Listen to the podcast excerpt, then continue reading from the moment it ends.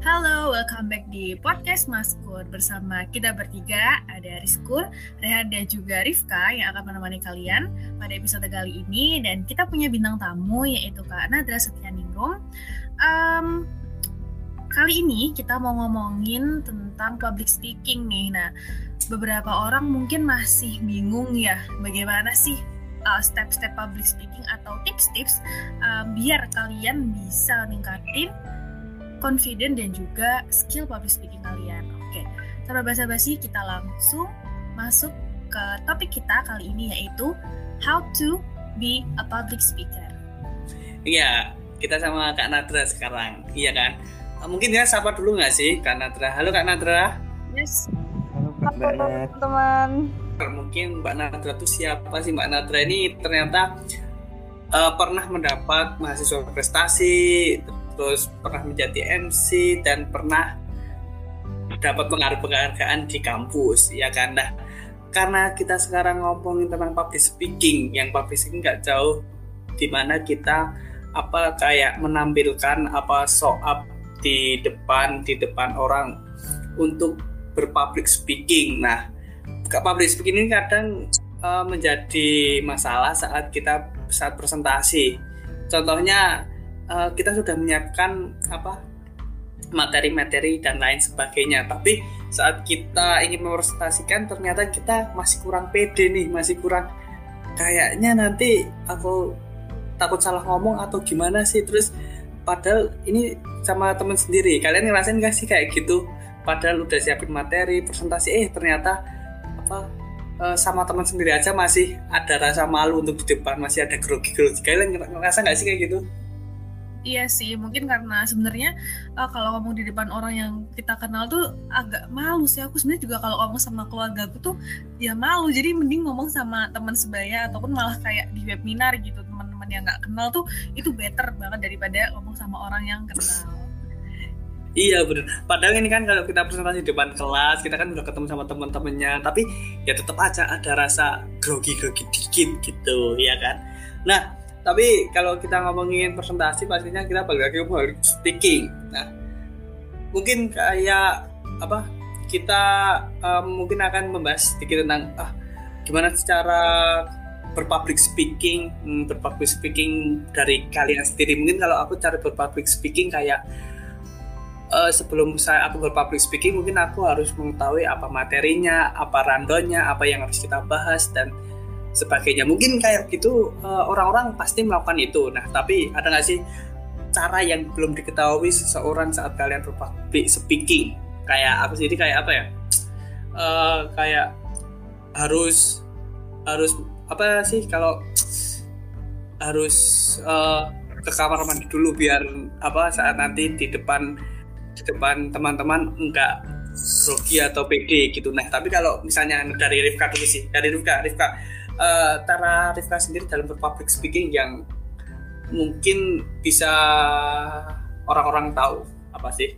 Oh gitu. Jadi sebetulnya ya kalau aku nggak ada treatment khusus selama sebelum aku ngomong gitu di depan orang. Jadi uh, tetap lihat dulu si kondisi ini kamu ngomong dalam situasi formal, non formal atau sama siapa, audiensnya siapa. Mungkin kalau jadi moderator gitu harus benar-benar tahu sebelum uh, seseorang yang mau diinterview ataupun CV lah yang minimal ya tahu kayak gitu. Jadi penempatan diri aja sih. Jadi kalian harus biasanya aku selalu bikin teks ya apa pun itu. Walaupun itu formal non formal ataupun santai sama teman-teman selalu ada contekan teks uh, ini tuh mau aku bawa ke mana gitu. Biasanya dari awal jadi nyapa teman-teman. Jadi aku terus tuh menyapa teman-teman. Terus yang kedua nanti menanyakan kabar narasumber. Yang ketiga menanyakan kabar teman-teman. Jadi harus runtut. Jadi nggak nggak kayak cowboy langsung ngomong depan tuh pasti ntar gagap. Aku pernah yeah. itu yeah. jadi harus prepare benar-benar sih walaupun kalian sesering apa pun public speaking tetap harus ada catatan yang runtut dari awal sampai akhir jadinya kita lihat dari Rifka kita harus menyiapkan buku kosong. Atau enggak catatan khusus ya ya buat nanti yeah. kita di depan. Walaupun entah itu mau dibaca atau enggak yang penting kita sudah menyiapkan gitu. Nah tapi kalau mungkin dari Rehan sendiri. Rehan, Rehan kan ini kan notabene dikenal sebagai ketua Hima ya kan Rif. Jadinya kayak yes. uh, berpublic speaking oleh ketua hima tuh gimana sih kayak cara Rehan berpublic speaking itu gimana sih? Anu kalau aku biasanya biasanya kan aku kan lebih banyak uh, kerapat ya biasanya nanti kayak sebelum rapat tuh topik apa sih yang aku bahas dulu maksudnya kayak pembahasan-pembahasan itu nah nanti biasanya nanti biasanya itu kayak ngalir sendiri sih aku. Sama yang penting aku jangan grogi. Entah itu berpublic speaking entah di dalam forum organisasi maupun kayak gini kita podcast ataupun juga waktu uh, presentasi atau waktu diminta jadi MC MC apa gitu. Yang penting aku jangan grogi terus harus uh, apa ya pokoknya percaya diri aja. Itu sih kalau aku masanya kalau aku grogi oh. itu nanti malah buyir mau ya gitu iya. Jadi, bener sih ya intinya iya benar pede aja gitu hmm. jadi ya sepertinya kayak grogi itu merusak segalanya nggak sih Iya kan? Iya, oh. pokoknya kalau berpublic speaking tuh enjoy aja sih pokoknya. Hmm, benar banget sih. Tapi dari Rian sendiri ada nggak sih treatment-treatment sebelum berpublic speaking, misalnya menjadi MC atau entah jadi apa ada nggak treatment kayak kayak gue sendiri kan sebelum MC paling nggak ke kamar mandi dulu kayak menenangkan diri bukan treatment sih lebih ke latihan. Jadi aku sebelum sebenarnya kayak tadi ya MC ya. Biasanya latihan dulu kan ada teksnya. Sebenarnya MC apa nih? MC kajian atau apa? Nanti ada aku kayak cari uh, referensi teks terus ya udah baca-baca dulu sebelum kajian berapa menit atau latihan ngomong dulu. Nanti baru bisa lebih ke latihan aja sih gitu pelatihan uh, tata apa tata tata bahasa buat aku nanti yang aku sampaikan itu gimana cara ngomongku gimana gitu. Lebih ke latihan. Jadi memang harus dipersiapkan jauh-jauh hari ya hanya uh, tergantung juga tergantung kondisinya. Biasanya kalau supaya itu MC apa ya kalau supaya MC-nya aku sering sering jadi MC itu ya nggak usah latihan. Berkata cuma gini Rehan nanti kamu jadi MC ya diminta malam ini ya. Nanti oh ya paling nanti aku langsung ngasal nyeplos aja waktu waktu waktu acara itu karena udah terbiasa. Tapi kalau mungkin MC-nya kayak aku oh aku belum pernah jadi MC ini. Nanti latihan berjauh-jauh hari tergantung uh, kondisi aku sering jadi MC itu atau enggak. Oh iya benar-benar. Jadinya tadi Rian ada treatment khusus nggak? Enggak aku lebih ke latihan biasa aja kayak Arif biasa aku. biasa. Treatment seperti orang-orang lain.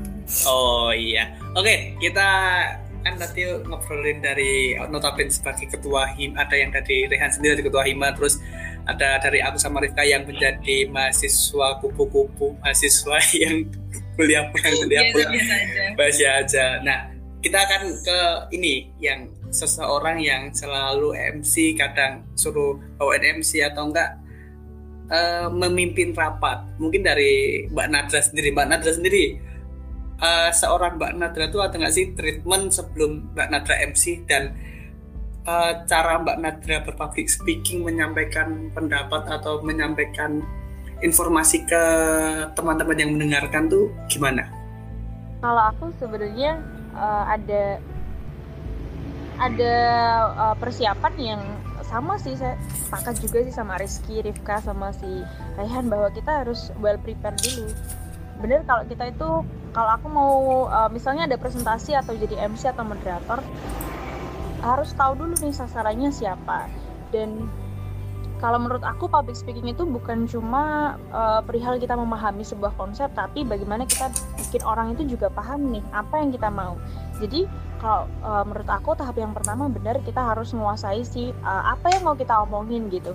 Terus yang kedua adalah PR kita bukan hanya kita yang paham tapi bagaimana menyederhanakan hal yang mau kita sampaikan itu ke orang lain ke audiens gitu. Jadi dua itu latihan dulu. Uh, oke okay, paham. Udah ada peta konsep nih di kepala. Nanti terus gimana sih cara menyampaikan ke audiens biar dia itu paham gitu. Nah kalau sudah ke situ nanti baru kalau aku tuh baru latihan gimana sih uh, caranya volume yang pas intonasinya penekanannya jedanya terus uh, bahasa tubuhnya mimik wajahnya kayak gitu. Nah kalau udah kayak gitu kalau aku latihannya di depan kaca dan bener-bener ngulangin itu terus kayak ih kok datar banget sih? Ih kok kok kayaknya ada yang kurang ya? Kayak gitu-gitu. Nah habis itu kalau udah semuanya ready gitu bener harus ada catatan. Jadi uh, ada contekan kecil yang secara garis besar ini aku bakal aku sampaikan supaya dia nggak ke skip gitu. Dan yang terakhir itu biasanya tuh kayak olah vokal gitu. Jadi uh, supaya nggak empuk juga sih suaranya tapi supaya lebih menarik aja. Kayak gitu sih kalau aku mau public speaking. Oh bener. Tapi ada nggak mbak treatment? Nggak ada treatment ya? Atau treatment harus ini uh, harus ngajak ngobrol teman atau ritual ritual. Ritual, ritual atau enggak harus PT sama pacar dulu agar berani di depan. Ada nggak sih kalau aku tuh gini sih kan uh, harus pede dulu. Itu tuh yang bikin jadi kayak trigger kayak anchornya itu adalah dulu tuh akan mendiam terus nggak berani ngomong. Nah guru aku tuh bilang gini kamu mau sepintar apa pun kalau kamu nggak berani ngomong nggak akan ada orang yang tahu bahwa kamu punya uh, maksudnya punya pengetahuan tentang suatu hal gitu. Jadi itu yang bikin bikin berani. Jadi sebelum sebelum misalnya naik podium atau uh, sebelum megang mic itu udah lima menit sebelumnya I have to make a deal with myself gitu. Jadi harus yakin dulu nih ya pokoknya harus ngomong harus coba kayak gitu jadi hmm. deg-degan dulu sih di awal tapi nanti tiba-tiba uh, si deg-degannya tangan dinginnya itu tiba-tiba hilang sendiri. Terus habis itu ya udah ngalir uh, aja. bener. Bener sih kalau kita Jadi, apa kayak kita maju di kayak sebagai MC mungkin awalnya kita deg-degan. Terus saat kita sudah mungkin mengenal panggung mengenal ini demam panggung tuh hilang sendiri ya kan? Kalian pernah ngerasain gak sih kayak wah pertama kayak der, apa derdek grogi. Tapi setelah kalian show di depan berapa menit oh ternyata kalian bisa enjoy bisa menikmati yang apa yang kalian bawakan. Iya kan? Iya. Oh, benar setuju. Benar tapi emang aku lihat tuh mbak Nadar tuh kalau public speaking kalau teman-teman ngefollow IG-nya dulu pernah ngeposting tentang apa itu kayak keren lah pokoknya Oke besok kita nanti nanti ini di drop link IG-nya Mbak Nadra di description box boleh lah buat kalau teman-teman mau kepo tentang gimana sih nih kalau Mbak Nadra public speaking tuh kayak mana gitu hmm. Oke, okay. um, setelah kita tadi denger ya mungkin tips dan juga ya biasalah general tips dari teman-teman tentang public speaking ala dirinya sendiri. Nah, kan nggak mungkin ya kita langsung jebret bisa ngomong depan orang lancar, nggak ada gagap, nggak ada salah sama sekali kan pasti adalah namanya proses selama nggak bisa ngomong malu sampai pede sampai sekarang ini. Nah uh, dari Mbak Nada dulu deh selaku narasumber nih. Pernah nggak sih Mbak selama proses dari Mbak Nanda menyadari bahwa ah, aku harus belajar public speaking nih gitu sampai bisa di titik sekarang ini tuh ada nggak? Selama itu um, proses yang paling menarik atau kejadian atau apalah gitu yang membuat Mbak Nadra teringat sampai sekarang bahwa ah, aku pernah ada di titik itu Iya ada ada. Kayak pengalaman yang eh, nggak uh, terlupakan sih. Sebenarnya dulu kan kalau pertama kali MC itu kan pas kuliah. Jadi dulu dulu itu anaknya diem banget aku tuh. Nah ada tuh suatu momen yang tiba-tiba tuh ditunjuk jadi MC entah karena apa padahal uh, casingnya itu kan diem gitu. Jadi nggak tahu tiba-tiba ditunjuk gitu aja. Dan uh, dia itu farewell party. Jadi pesta per, uh, perpisahan tapi di Pare. Jadi dia itu kalau Rehan kayaknya juga pernah ikut deh. English camp gitu. Jadi harus pakai bahasa Inggris dan di sana tuh kayak wah shock gitu. Aduh harus ngapain nih? gitu. Nah uh, terus kita kan ya udah bikin skrip dan latihan terus.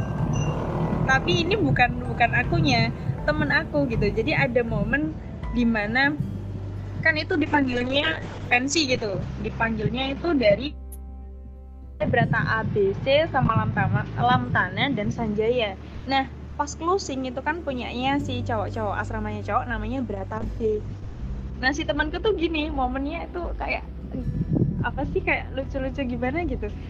Jadi dia bilang gini, oke okay, ini yang terakhir kan yang cowok nih. Ya ya ya kamu ya? Oh, kan udah gitu. Oke okay, uh, well ladies and gentlemen please welcome me Bri jadi si temanku tuh bilangnya Bri TV terus yang nonton tuh kayak Free TV kayak terus diserang itu momen yang nggak terlupakan sih terus oh jadi oh, salah okay, salah uh, ucap ya iya iya dia bilang Bri TV saking gugupnya kita berdua karena memang nggak pernah MC juga berdua itu nggak punya basic kayak gitu terus kita oke okay, oke okay, we do apologize uh, we will repeat again uh, ladies and gentlemen, please welcoming Brata B. Nah, barulah tersorak-sorai. Untuknya pas terakhir itu. Tapi itu malu banget sih asli.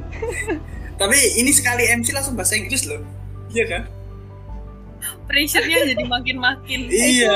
Itu, itu kayaknya sih uh, entah kebetulan atau memang di uh, memang alurnya gitu ya. Jadi tuh dulu kan sebenarnya awalnya MC itu ada namanya uh, seleksi MC internasional. Kalau di Kusuma kan ada internasional seminar tiap tahun dan ada seleksi MC itu. Nah waktu itu kan pengen banget ikut itu kan lolos. Ternyata pas tanggal yang sama itu aku harus ke Pare dan nggak boleh jadi harus digantikan dengan orang lain. Kan tuh udah kayak ya Allah kenapa kan pengen gitu loh. Kayaknya keren. Kayaknya keren gitu. Kalau dia belum kesampaian ya mbak? Uh, itu kesampaian. Jadi ceritanya gini abis itu Kapare kan digantikan temanku uh, anak S1 kan dia. Udah digantikan terus aku gini ya udahlah nanti pasti persiapan yang uh, tak buat dan seleksi yang aku ikuti itu pasti nanti akan ada gantinya.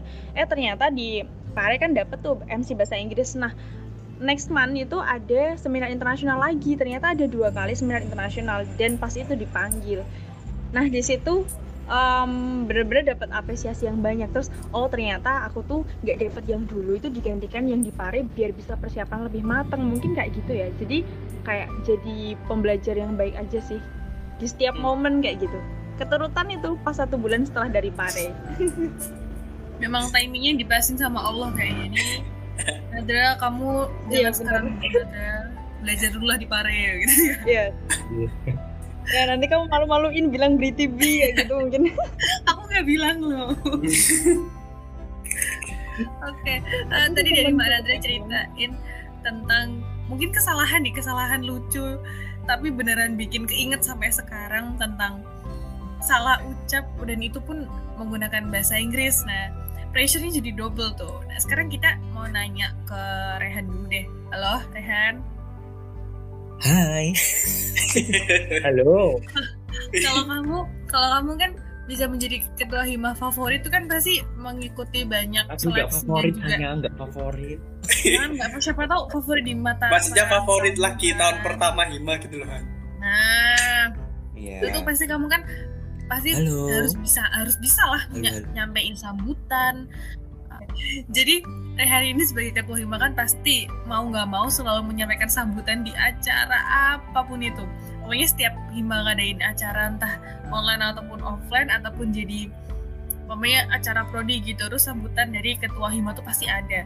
Nah, Rehan tuh selama bisa sampai um, memberikan sambutan jadi MC atau moderator dan lain sebagainya tuh ada nggak sih Han momen lucu ataupun hal-hal yang bikin kamu ingat sampai sekarang tentang prosesmu itu? Aku cerita dulu ya, singkat aja hmm. sih. Jadi dulu tuh waktu SMA aku pernah ditunjuk jadi MC lomba. Jadi MC lomba di sekolahanku. MC lomba oh lomba kayak kegiatan lomba apa namanya tata boga sama uh, musik. Jadi dulu kayak uh, sekolahku ngundang SMA atau SMP sekota Jogja gitu loh.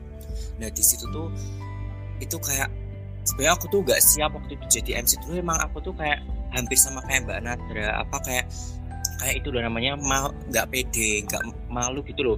Malu untuk berbicara di depan umum. Jadi aku tuh cuman MC dulu kayak orang diem malah aku tuh kayak ngerasa aduh aku malah dipilih sih sebenarnya temanku tuh bikin aku malah atau enggak sih? Itu posisi aku udah jadi MC dari depan. Terus teman temanku dan temanku yang satunya tuh malah enggak malah enggak gimana ya? Dia malah ngalir sendiri tapi nggak tahu kalau aku tuh sebenarnya masih kaku gitu loh jadi MC gitu kan. Dan di situ aku bener-bener malu banget di situ aku kayak mau marah ya nggak bisa tapi kenapa harus ditunjuk gitu loh. Alasannya karena mas nggak apa-apa nanti kalau kamu lucu dengan batas embel-embel lucu. Tapi kan kalau mencari MC kan bukan sebatas lucu ya. Harusnya kayak yang sampai Mbak Nat tadi kayak harus bisa um, memberikan pemahaman untuk dirinya dan orang lain juga karena di situ aku kayak ngerasa uh, dari itu nggak bakal aku lupain sih kayak momen momen apa ya momen aku jadi MC tapi nggak selayaknya aku jadi MC kenapa harus ditunjuk gitu kan. Nah dari situ aku uh, dari situ aku STM kuliah. Nah mulai mulai melatih public speakingku tuh kuliah karena waktu itu ikut organisasi aku emang ada niatan pokoknya di organisasi itu aku harus bisa melatih public speakingku entah itu entah entah cuman sebatas rapat atau apa harus berani buat uh, berbicara. Nah dari situlah aku mulai ber, mulai berani untuk berbicara. Dan ditambah lagi aku diberi amanah untuk menjadi uh, kubima itu. Nah di situ makin aku latih aku lihat caranya orang berbicara. Terus aku lihat dari yaitu dari Mbak Nat juga. Kan Mbak Nat dulu kalau waktu itu aku pernah lihat ya Mbak Nat itu kan pernah jadi calon kandidat BEM ya. Nah itu ngomongnya cacis-cacis gitu loh. Nah aku kayak pada pintar-pintar ya ngomongnya pintar kan aku ada motivasi gini orang orang orang hebat itu tuh masih pintar dalam berpublic speaking. Nah di situ aku kayak termotivasi gimana caranya aku harus bisa untuk berpublic speaking. Nah di situ dan temanku juga alhamdulillah pernah bilang gini, Rian sekarang beda ya. Ini teman dekatku sih dia pernah bilang gini tapi ini aku masih tak belajar. Cuman ini ya untuk motivasi aku. Alhamdulillah temanku pernah bilang gini Rian sekarang beda nggak kayak dulu zaman SMA udah udah bisa berpublic speaking dan kadang temanku juga pingin bisa kayak aku. Terus aku bilang gini nggak apa-apa aku juga belajar kok. Nah itu aku dari pengalamanku yang jadi MC aku nggak bisa malah ditunjuk itu buat motivasi aku. Ya walaupun kadang sekarang masih jadi MC tapi MC-nya paling kayak MC kajian atau MC rata-rata kajian sih kalau di kan aku ikut LDK ya itu paling jadi MC kajian atau kalau MC kayak Mbak Nat belum pernah sih tapi insya Allah semoga amin. Nggak apa-apa Han. Kajian tuh kayak Mama Dedeh kok kan nggak Han. MC kajian ya sebatas iya itu sih kalau aku. Iya nanti bener banget sih dari Rehan. Kalau mungkin ya kan Rehan tadi dari pengalamannya itu yang pengalaman pengalaman yang menarik atau unik. Kalau aku mungkin kayak pengalaman pengalaman pertama public public speaking sih apa ya? Aku dulu tuh pernah pertama kali public speaking itu kan di desa ada sebuah acara kalau nggak salah tirakatan. Tirakatan kan pasti kalian ada sih di desa kalian. Hmm. itu oh, 17-an itu hmm, nah 17-an nah di situ uh, kalau nggak salah nih ya entah itu mau MC dulu atau aku stand up comedy di sana aku stand up comedy pakai bahasa Indonesia. Nah sebelum tampil sebelum tampil hamin hamin berapa aku tuh buat skrip padahal skripnya itu skrip copy paste dari apa stand up stand up lainnya. Nah terus setelah mau stand up udah udah mau dipanggil nih. Ini dia stand up dari Rizky Kurnia yang lihat tuh siapa? Bapak-bapak. Sebelum sebelum bapak-bapak sama ibu sebelum lanjut aku tanya pak ini pakai bahasa Jawa atau bahasa Indonesia? Gitu tuh.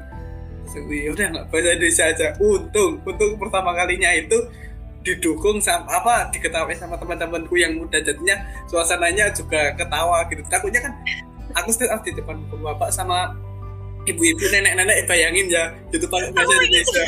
tentunya pas aku stand up gitu lah kok nggak masuk atau atau kata-kata nggak masuk atau orang tuanya nggak bisanya nggak mikir gitu loh. Waduh itu sih papa sih apa yang iya beda tahun lah iya makanya itu karena aku udah bilang sama uh, ketua panitianya apa ya itu dari pemuda harus ada tampilan gitu kan. Atau nggak salah pas itu lagi dangdut dangdut ada yang gerakan apa paswo paswo gitu loh.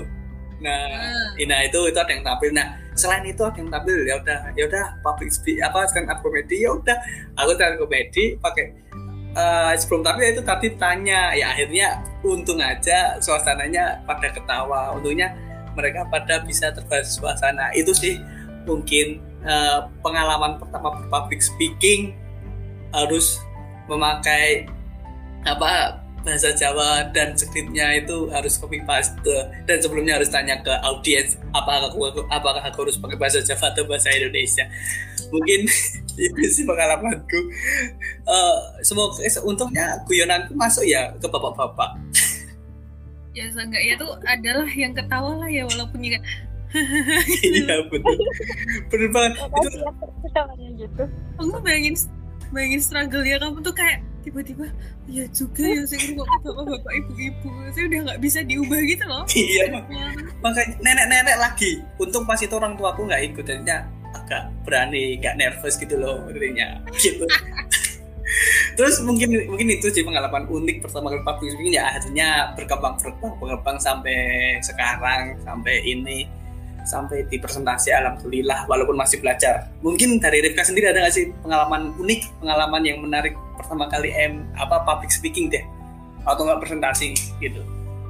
Um, jujur ya, aku tuh sebenarnya um, kayak ngalir gitu loh tiba-tiba merasa bahwa aku harus bisa gitu karena aku selalu memindset bahwa public speaking itu bukan memang sekarang tuh memang suatu keharusan ketika setiap orang tuh harus punya skill untuk bisa public speaking gitu jadi seenggaknya ya kamu tuh bisa lah jadi MC sekali lah seumur hidup kalau enggak ngomong secara lancar di depan orang. Jadi aku itu ngerasain ah, jadi MC terakatan juga pernah sih. Harus bahasa Jawa kan? sorenya ya sorenya jadi sorenya pas pas baru uh, kerja bakti gitu masangin balon apa tiba-tiba kayak dioper tuh loh. Kan ya aku lebih muda toh. Pasti langsung dikasih kayak kue bae ngono loh. Nah jadi itu sih tapi untung partnerku bisa kayak ngecover jadinya lancar. Nah mungkin untuk yang malu tuh ketika aku nggak um, ada persiapan sih. Karena merasa bahwa terlalu nervous. Ada aku ada satu momen kayaknya aku lupa ketika SMP atau waktu awal kuliah ya itu uh, terlalu nervous dan aku kayak beberapa hari sebelumnya tuh udah mulus-mulus gak jelas mau ngapain nih aku ngomong apa gitu. Jadi nggak lancar dan uh, aku kalau ngomong kadang gagap. Jadi waktu aku merasa bahwa ah ini ini udah alurnya udah nggak bener aku ketika ngomong tuh aku otomatis langsung kayak matanya jelalatan terus ngomongnya jadi kayak uh, jadi kayak gitu. Aku nggak malu banget setelah itu merasa bahwa aku nggak nggak kayak nggak mau. Aku itu kayak menarik diri gitu loh kayak nggak muncul di grup loh beberapa hari emang lebay sih. Tapi berasa banget kayak kecewa gitu loh. Kamu tuh ngapain sih Rif?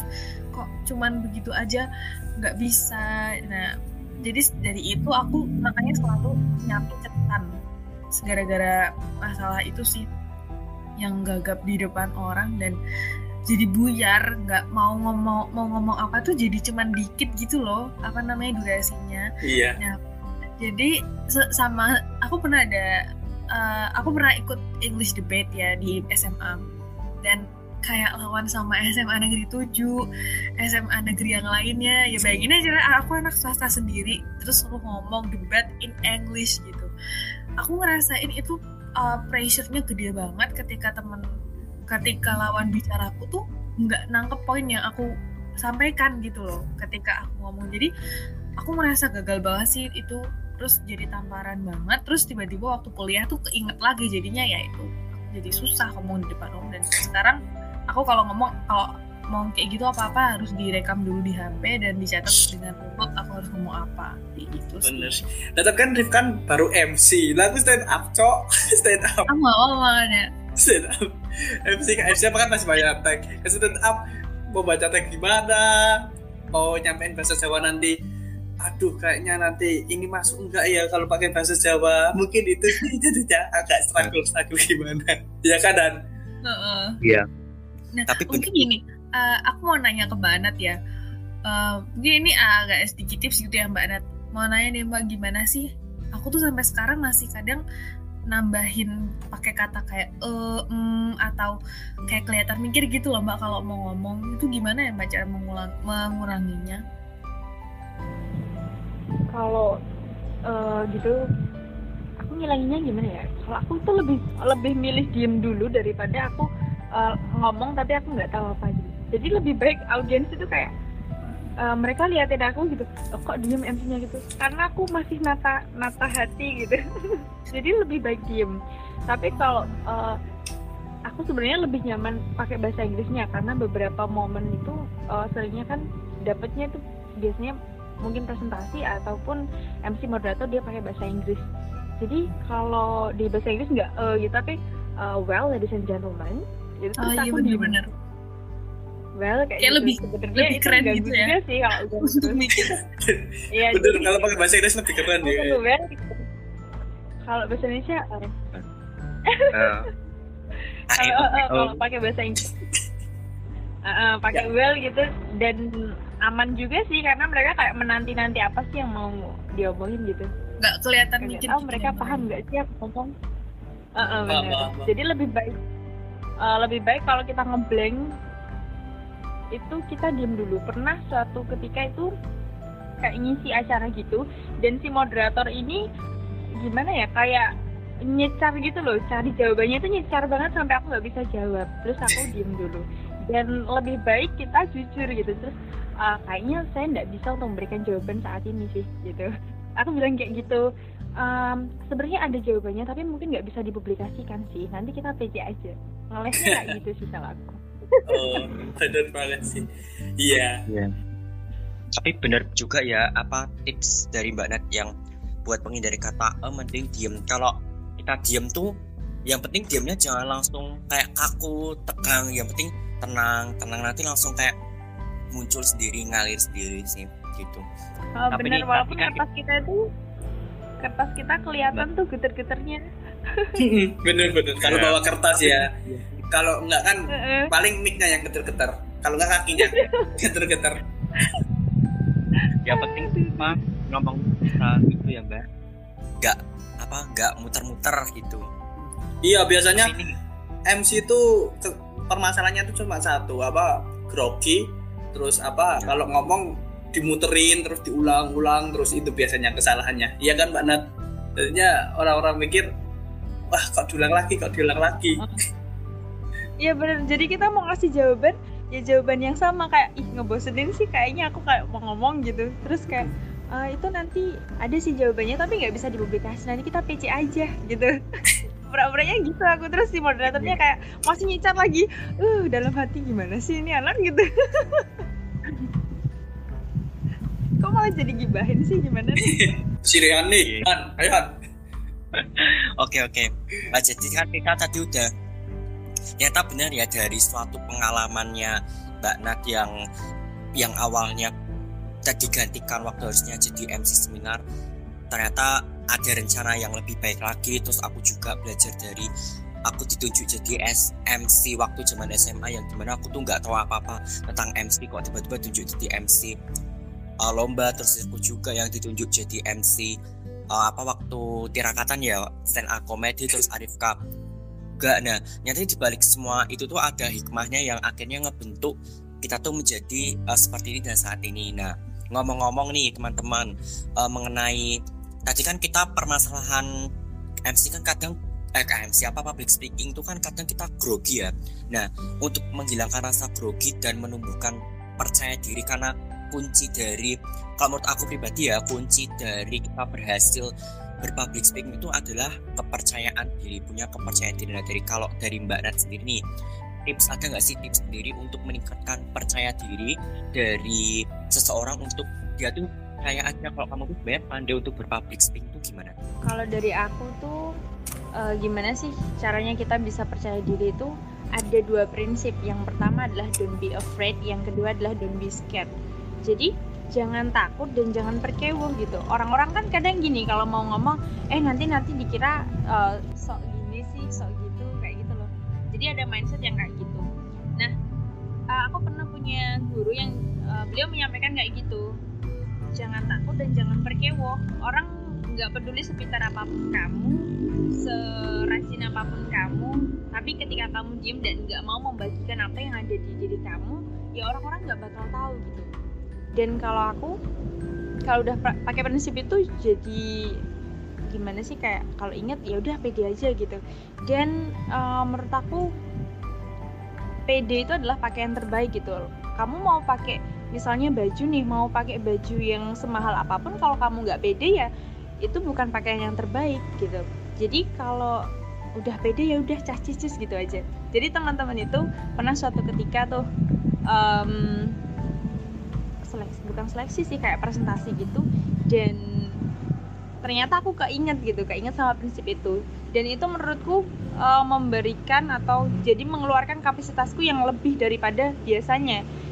Nah sejak itu ada kayak branding gitu. Kalau ada aku mereka nggak berani ngomong. Terus aku kayak kenapa ya? Mungkin karena uh, ketrigger sama dua prinsip itu dan aku jadi ya udah beda aja ngomong gitu mau dibilang apa sama orang? Ya udahlah bodo gitu. Yang penting ngomong aja terus mereka paham. Kayak gitu sih.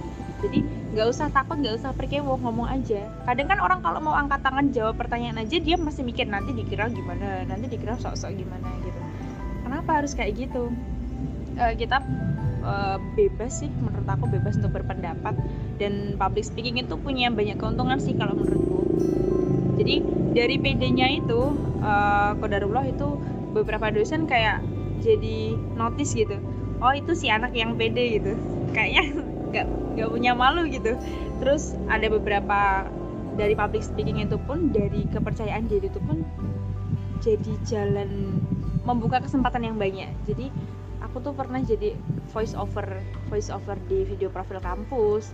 Beberapa video-video dari kampus itu uh, aku jadi voice overnya gitu. Karena kalau dosenku tuh pernah bilang katanya kamu tuh anaknya pede ya gitu. Apa ya bu nggak ibu saya pemalu. Enggak kami tuh pede kalau udah di depan umum.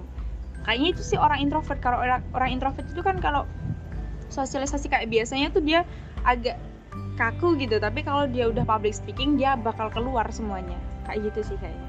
Jadi dua prinsip itu sih. Don't be scared don't be afraid. Nggak usah perkewo nggak usah takut ngomong aja. Bener banget sih. Bener uh, tapi kalau dari ini dari Rehan sendiri Rehan sendiri ada kasih tips buat uh, percaya diri di public speaking tips untuk diri sendiri. Oh tips percaya diri ya? Mm-hmm. kalau aku kalau aku itu sih tips dari aku sendiri itu uh, yakin aja sih pokoknya yakin sama aku harus punya motivasi. Motivasi buat uh, diri aku. Kayak karena aku punya motivasi gini ya aku tuh pernah cerita sama ibuku gini. Kalau aku lihat orang kerap jadi aku enggak aku tuh kalau lihat orang-orang yang berpublic speaking tuh kok pada rata-rata orangnya tuh pintar-pintar gitu loh. Kayak aku terinspirasi juga sama Maudi Ayunda itu Ayundi oh, Mbak Maudi itu. Itu kan pintar banget ya. Nah itu di aku kayak Ih, ternyata kalau orang pintar itu tuh dia mesti bisa berpublic speaking.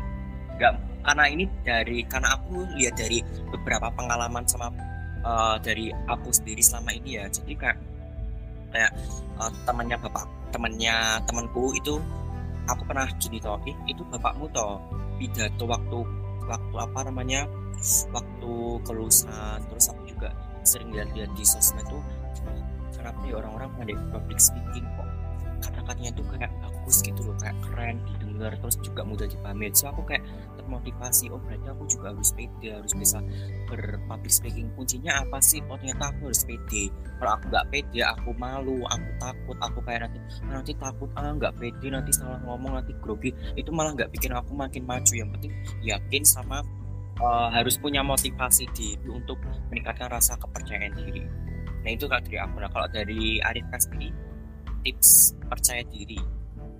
Soalnya aku pernah lihat Arif tuh waktu itu posting itu ya ngobrol atau wawancarai ketua jimamu nggak sih? Iya sih. Uh, sebenarnya aku setuju banget ya sama tadi uh, pernyataannya Manat bahwa kamu public speaking itu bisa benar-benar membuka banyak pintu. Karena uh, fun fact ya setelah aku juga sempet nggak nge-VO juga ke di video prodi gitu. Nah ternyata mm-hmm waktu aku nge-VO uh, ada salah satu kru dari TV-mu tuh TV Muhammadiyah gitu. Kayak ya cuman kayak random banget gitu loh kayak baru um, kayak merhatiin gitu. Aku udah sampai mana progresnya. Nah waktu aku nge-VO dia dengerin aku nge-VO dan nggak lama aku diajak untuk jadi host untuk salah satu program TV-mu gitu tentang uh, wawancara gitulah kayak nge-live di YouTube gitu. Aku benar-benar setuju dengan apa yang Mbak Nat bilang karena ketika kita bisa terus kita jadi apa ya kayak diandalin gitu nggak sih Mbak Nat? Maksudnya jadi kayak apa-apa Arifka aja, um, Nadia, Nad, Nadra aja kayak gitu loh. Aku setuju sama kayak gitu. Iya benar. Jadi jaga kayak gitu loh kalau bahasa Jawa nih. Ah, Nurin kamu jaga kayak gitu sih Mbak kayak jadi MC atau apa kayak gitu. Nah, uh, dan juga yang tadi Rehan omongin memang benar sih. Aku juga nggak nyangka aku bisa sampai ke titik itu menjadi seorang moderator untuk mewawancarai teman-teman. Dan itu uh, merupakan salah satu rangkaian ospek gitu ya P2K di universitas aku. Aku pertama juga melihat kilas balik dari aku uh, dulu ngomong nggak bisa gagap dan lain sebagainya. Kayak kalau omongan sama orang lain dan sekarang bisa gitu. Aku pun kayak secara kayak sadar gak sadar gitu aku tuh selama ini prosesnya word uh, aku tuh pantas gak sih dapat dapat job untuk sebagai host dapat tanggung jawab untuk moderator kayak gitu masih masih ngawak sebenarnya aku sampai sekarang. Nah makanya aku nanamin mindset bahwa apa yang dikasih ke kamu tuh berarti harus kamu kerjakan gitu. Orang tuh memberikan kamu tanggung jawab ya kamu harus uh, apa yang kamu punya tuh ya berikan ke mereka juga mereka kasih kamu tanggung jawab sebesar sebesar itu pun harus kamu berikan feedback yang baik kepada mereka. Jangan pernah mengecewakan. Jadi kalau kadang kalau kamu sekali udah jelek tuh biasanya untuk kedua kalinya tuh orang tuh akan menjadikan kamu cadangan gitu. Jadi itu um, ketika dapat satu kesempatan jadi uh, do your best di kesempatan itu. Nah mungkin untuk teman-teman harus memaksakan diri menurutku. Itu penting sih memaksakan diri bahwa kamu harus bisa ngomong di situasi apa pun itu karena bikin uh, kepribadian kamu ngikut jadi kalau ada orang baru tuh nanti bisa ngobrol lama atau kayak gini deh sekecil kayak kamu makan sama temenmu di kafe gitu. Biasanya nanti yang sering orang yang lebih cerewet tuh biasanya lo disuruh untuk mesen sering banget itu. Kamu aja yang mesen. Oh nggak tahu caranya. Eh tanyain pelayannya dong wifi-nya apa? Cuman hal sekecil itu pun bisa loh bikin kamu confident. Cuma nanyain wifi nanyain toilet. Mbak bisa ganti minuman nggak? Ini kemanisan. Mbak nambah gula. Itu walaupun kecil tapi itu eh, menurutku salah satu cara untuk meningkatkan confidence kita. Kayak gitu sih. Jadi walaupun hal kecil apa pun ketika ada progress be better for yesterday dan be better untuk tomorrow itu selalu kamu lakukan. Gitu sih. Benar banget. Uh, mungkin kayaknya tips dari Rehan, Rifka dan Mbak Natra kayaknya semuanya udah diutarakan ya? Mungkin kalau aku tipsnya apa ya buat public speaking? Ya itu tadi sih siapkan materi siapkan mental yang pasti. Kalau kamu yakin ya ayo. Dan yang benar dia omongin Rifka tadi ambillah kesempatan sekecil apa pun. Karena nanti kalau karena kesempatan itu nggak datang dua kali kalau kata orang-orang. Padahal aslinya juga betul iya kan? Nah ini nih apa close statement. Ada gak sih quotes untuk tema kita public speaking? Mungkin buat teman-teman yang masih agak grogi public speaking atau belum percaya diri atau mungkin yang udah public speaking mungkin ada kosakata yang harus dibenahi. Mungkin ada nggak quotes-quotes mungkin dari aku sendiri quotesnya nggak beranilah up karena nanti kalau kamu nggak berani menunjukkan apa yang kamu inginkan orang lain nggak akan bakal tahu. Jadinya uh, kalau memang itu menurut kamu benar apa sampaikan. Jangan ditunda-tunda. Nanti akhirnya nanti ada ke yang kedua itu sih menurutku kalau dari Rehan quotes untuk speaking kalau quotes dari aku kalau aku quotesnya uh, percaya sama dirimu dan belajarlah untuk lebih maju dengan apa yang kamu miliki. Ya, dari ini Arifka mungkin quotes. Uh, quotes ya, apa ya? Uh, berani keluar dari comfort zone kalian sih. Jadi jangan berlindung di balik kata-kata aku nggak bisa ngomong di depan gitu. Nah, kalian kalau tahu itu kelemahan ya harus bagaimanapun diubah menjadi kelebihan. Jadi teman-teman uh, kalau ada kesempatan jangan disia-siakan dan juga tetap harus percaya diri dan percayalah kalau kalau kalian tuh sebenarnya ada passion tapi cuman mungkin belum keluar gitu karena kalian kurang percaya diri gitu oke okay, ini yeah. terakhir dari Mbak Nadra deh. Ini selaku bintang tamu eh bintang tamu lah. Selaku teman ngobrol kita malam ini mungkin Mbak Nadra uh, ada closing statement ataupun quotes buat teman-teman tentang public speaking ada mungkin dua quotes gitu ya. Menyambung dari Rifka ya. Uh, tentang kesempatan dalam ber, berpublic speaking. Kalau memang teman-teman itu pengen bisa public speaking uh, persiapkan dengan kalian latihan berbicara. Karena kalau ngomongin kesempatan dan keberuntungan keberuntungan itu definisinya adalah kombinasi dari kesempatan dan juga kesiapan. Jadi kita nggak pernah tahu kesempatan itu kapan datangnya, tapi ketika kalian siap, maka ketika kesempatan itu datang, kalian udah bisa mengeksekusi dengan baik gitu. Dan um, kalau kalian ada kekhawatiran ketika berpublic speaking, nanti 5 menit yang akan datang kalau saya melakukan kesalahan kayak gimana, ada satu kata-kata yang mungkin bisa menenangkan kalian bahwa masa depan 5 menit ke depan 10 menit ke depan kesalahan yang kalian lakukan itu adalah sebuah misteri. Jadi masa depan itu adalah sebuah misteri. Yang bisa kita rencanakan eh, kita itu cuma bisa merencanakan. Jadi bersyukurlah karena masa depan itu adalah misteri. Sehingga kita masih bisa jadi seorang perencana. Jadi jadilah perencana yang baik gitu. Nggak usah fokus nanti kesalahannya gimana gimana jadi masa depan itu adalah sebuah misteri, maka bersyukurlah karena ia masih misteri. Dan karena kita ini hanyalah se uh, seorang perencana, maka rencanakanlah hal yang baik-baik. Jangan rencanain nanti salah gitu. Rencanaan yang baik aja. Toh masa depan masih misteri, kita nggak tahu itu kan kejutan. Siapa tahu pas ngomongnya plus gitu ternyata malah jadi um, dinotis sama orang kan kita nggak tahu. Kayak itu sih. Iya benar-benar. Oke, thank you banget banget quotes-nya mungkin positif thinking teman-teman dan juga bagaimana caranya um, agar kesalahan yang kalian pikirkan itu nggak akan terjadi gitu. Nah, oke, okay. terima kasih buat teman-teman Rehan, Rizkur, dan juga Mana yang udah mau cuap-cuap tentang public speaking. Dan mungkin teman-teman yang mendengarkan bisa mendapatkan manfaat dan juga tips-tips yang tadi kita share. Semoga teman-teman bisa mempraktekkan dan bisa percaya diri untuk public speaking di depan orang lain. Oke, okay, jadi Jangan lupa teman-teman untuk follow sosial media kita di mana Discord. Di Instagram apa Rehan? Oh ya jangan jangan lupa follow Instagram kita, uh, eh, Instagram kita yaitu @maskur.podcast double s double r dan untuk TikTok kita uh, untuk TikTok kita @maskur double s dan double r dan juga Twitter. Oke, okay, Twitter di @maskur underscore PODCST dan di link des di description di bio kalian bisa Careerscat drop your opinion di Careerscat dan kita akan bisa baca opini kalian tanpa tahu kalian siapa. Jadi anonim ya teman-teman. Kita tunggu banget feedback dari kalian. Terima kasih untuk malam ini. Terima kasih Mbak Nadra yang sudah um, menyempatkan waktunya cuap-cuap bersama kita. Terima kasih ya Mbak Nadra sama teman-teman. Oke, waktunya kita pamit. Bye, terima kasih teman-teman semua. Terima kasih semuanya. Sampai ketemu episode selanjutnya. See you. See you.